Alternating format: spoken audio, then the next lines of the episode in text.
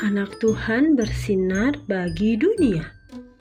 Renungan tanggal 10 Juli untuk anak balita sampai kelas 1 SD.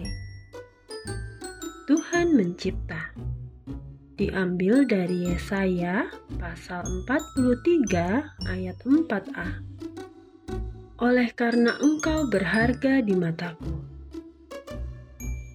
Hujan deras turun. Keluarga Mentari terjebak macet di jalan. Mata Mentari tertuju pada seorang laki-laki tua yang sedang kehujanan. Mama, lihat bapak itu. Kasihan.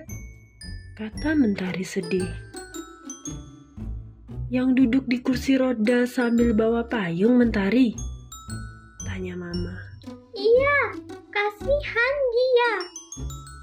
Dia sepertinya susah mendorong kursi rodanya sambil bawa payung. Kata Mentari. Eh, tapi lihat tuh, ada orang yang datang menolongnya. Orang itu membantu mendorong kursi rodanya. Kata Kak Bintang. Syukur, puji Tuhan. Kata Papa yang ikut melirik ke arah jalan. Tuhan sayang Bapak itu, jadi Tuhan kirimkan orang yang mau menolongnya. Kata Papa. Kalau Mentari jadi orang yang membantu mendorong kursi roda Bapak itu, Mentari mau cerita apa ke Bapak itu? Tanya Mama. Mentari pun berpikir, lalu dengan senyum ia menjawab, Hmm, Mentari mau bilang bahwa Tuhan menciptakan Bapak dengan istimewa sama seperti Mentari.